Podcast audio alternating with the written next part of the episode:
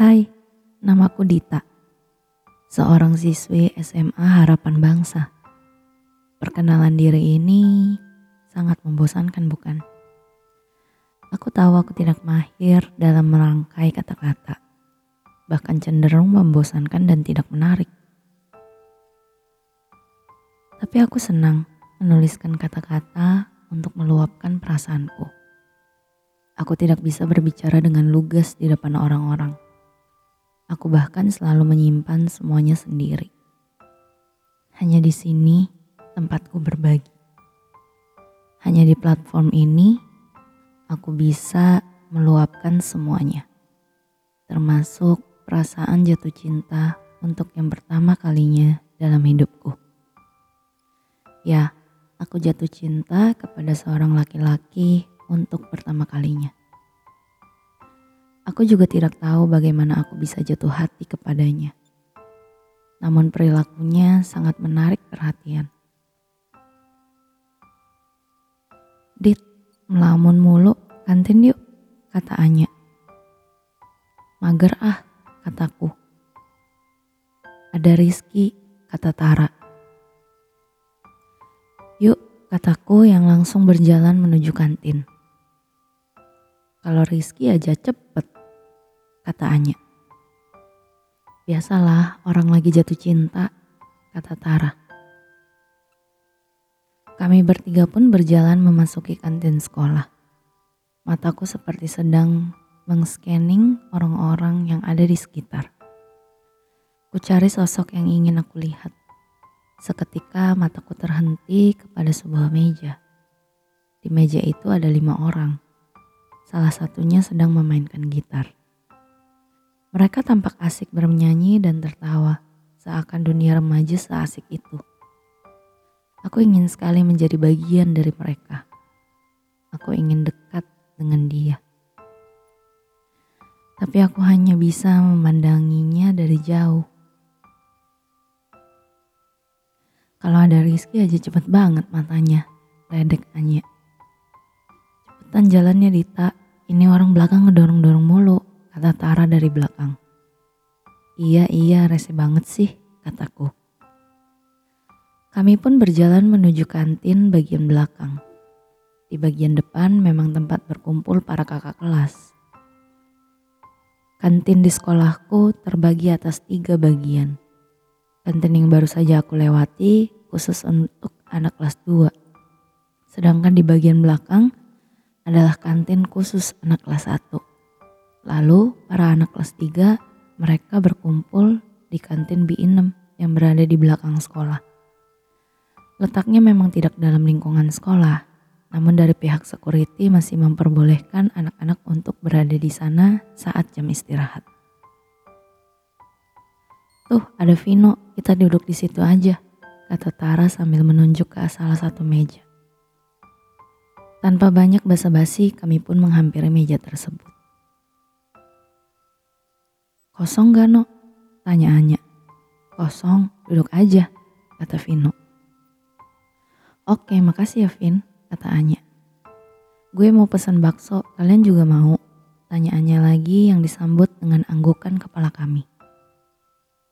Lagi lihat apaan sih, No? Tanya Tara.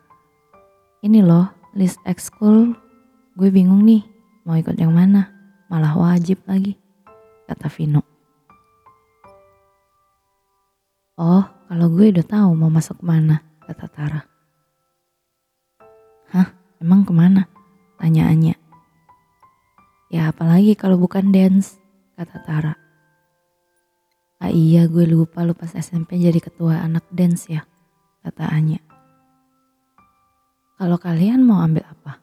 Tanya Tara menatap kami bertiga. Kan udah gue bilang gue bingung, kata Vino sambil menghela nafas. Gue kayaknya mau ambil basket aja deh, kata Anya. Sontak semua pandangan mengarah padaku. Gue, aku menelan ludahku dengan gugup. Gue ambil band. Wah bucin, kata Tara. Gila sih, kata Anya. Emang lu bisa main alat musik apa, Dit? Tanya Pino. Enggak ada, Jawabku polos. Bisa nyanyi? Tanya Vino lagi. Aku menggelengkan kepalaku. Karena Rizky, tanya Vino. Aku hanya diam melihat semangkuk bakso yang telah kupesan. Bucin, kata Vino. Seenggaknya lu harus tahu musik dikit, Dit, kata Tara. Atau lu belajar nyanyi aja, kata Anya. Kalau emang ada bakat harusnya masih keburu sih. Pemilihan ekskul masih dua minggu lagi kok, kata Vino. Nah tuh, kita dukung deh kebucinan lu itu, kata Tara. Serius, emang bisa? Yang ngajarin siapa? Tanyaku.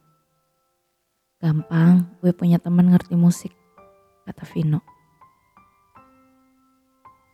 Keesokan harinya pun aku bertemu dengan teman Vino. Namanya Andre. Dia adalah teman kecil Vino. Aku pun mulai berlatih vokal dengannya setiap jam pulang sekolah di rumah Vino. Lama-lama aku mulai terbiasa dengan rutinitas seperti ini. Awalnya aku pikir latihan vokal adalah hal yang mudah dibandingkan berlatih alat musik yang lainnya. Ternyata latihan vokal sangatlah sulit Sampai sebelum hari H pun aku masih kewalahan untuk menyanyikan sebuah nada dengan tepat. Aku rasa kamu berhenti saja deh, kata Andre yang akhirnya menyerah. Tidak, aku akan tetap ikut audisi besok, kataku dengan penuh tekad. Hari audisi pun telah tiba.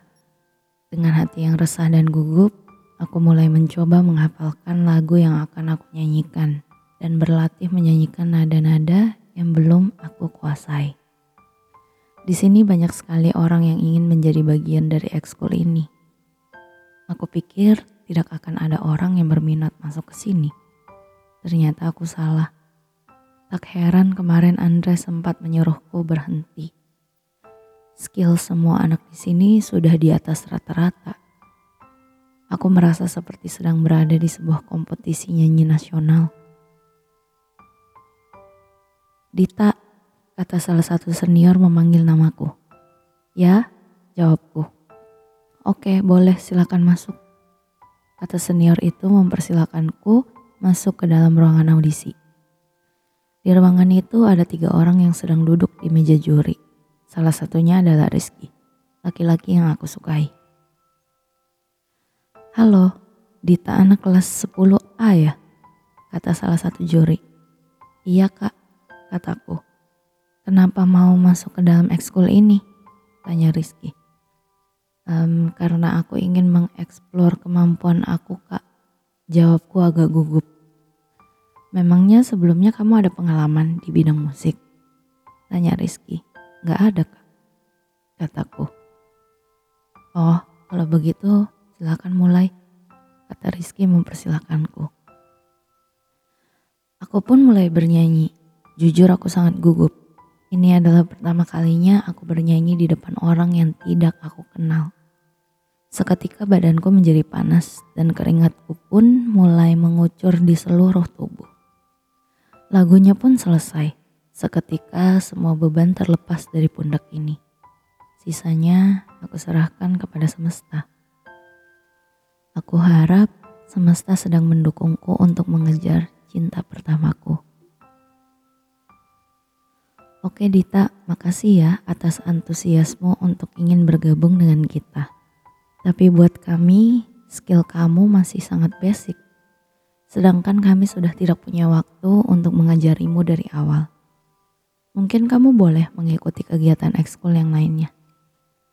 Kata Rizky setelah dia berbincang dengan juri yang lainnya. Aku pun melangkah keluar dari ruangan.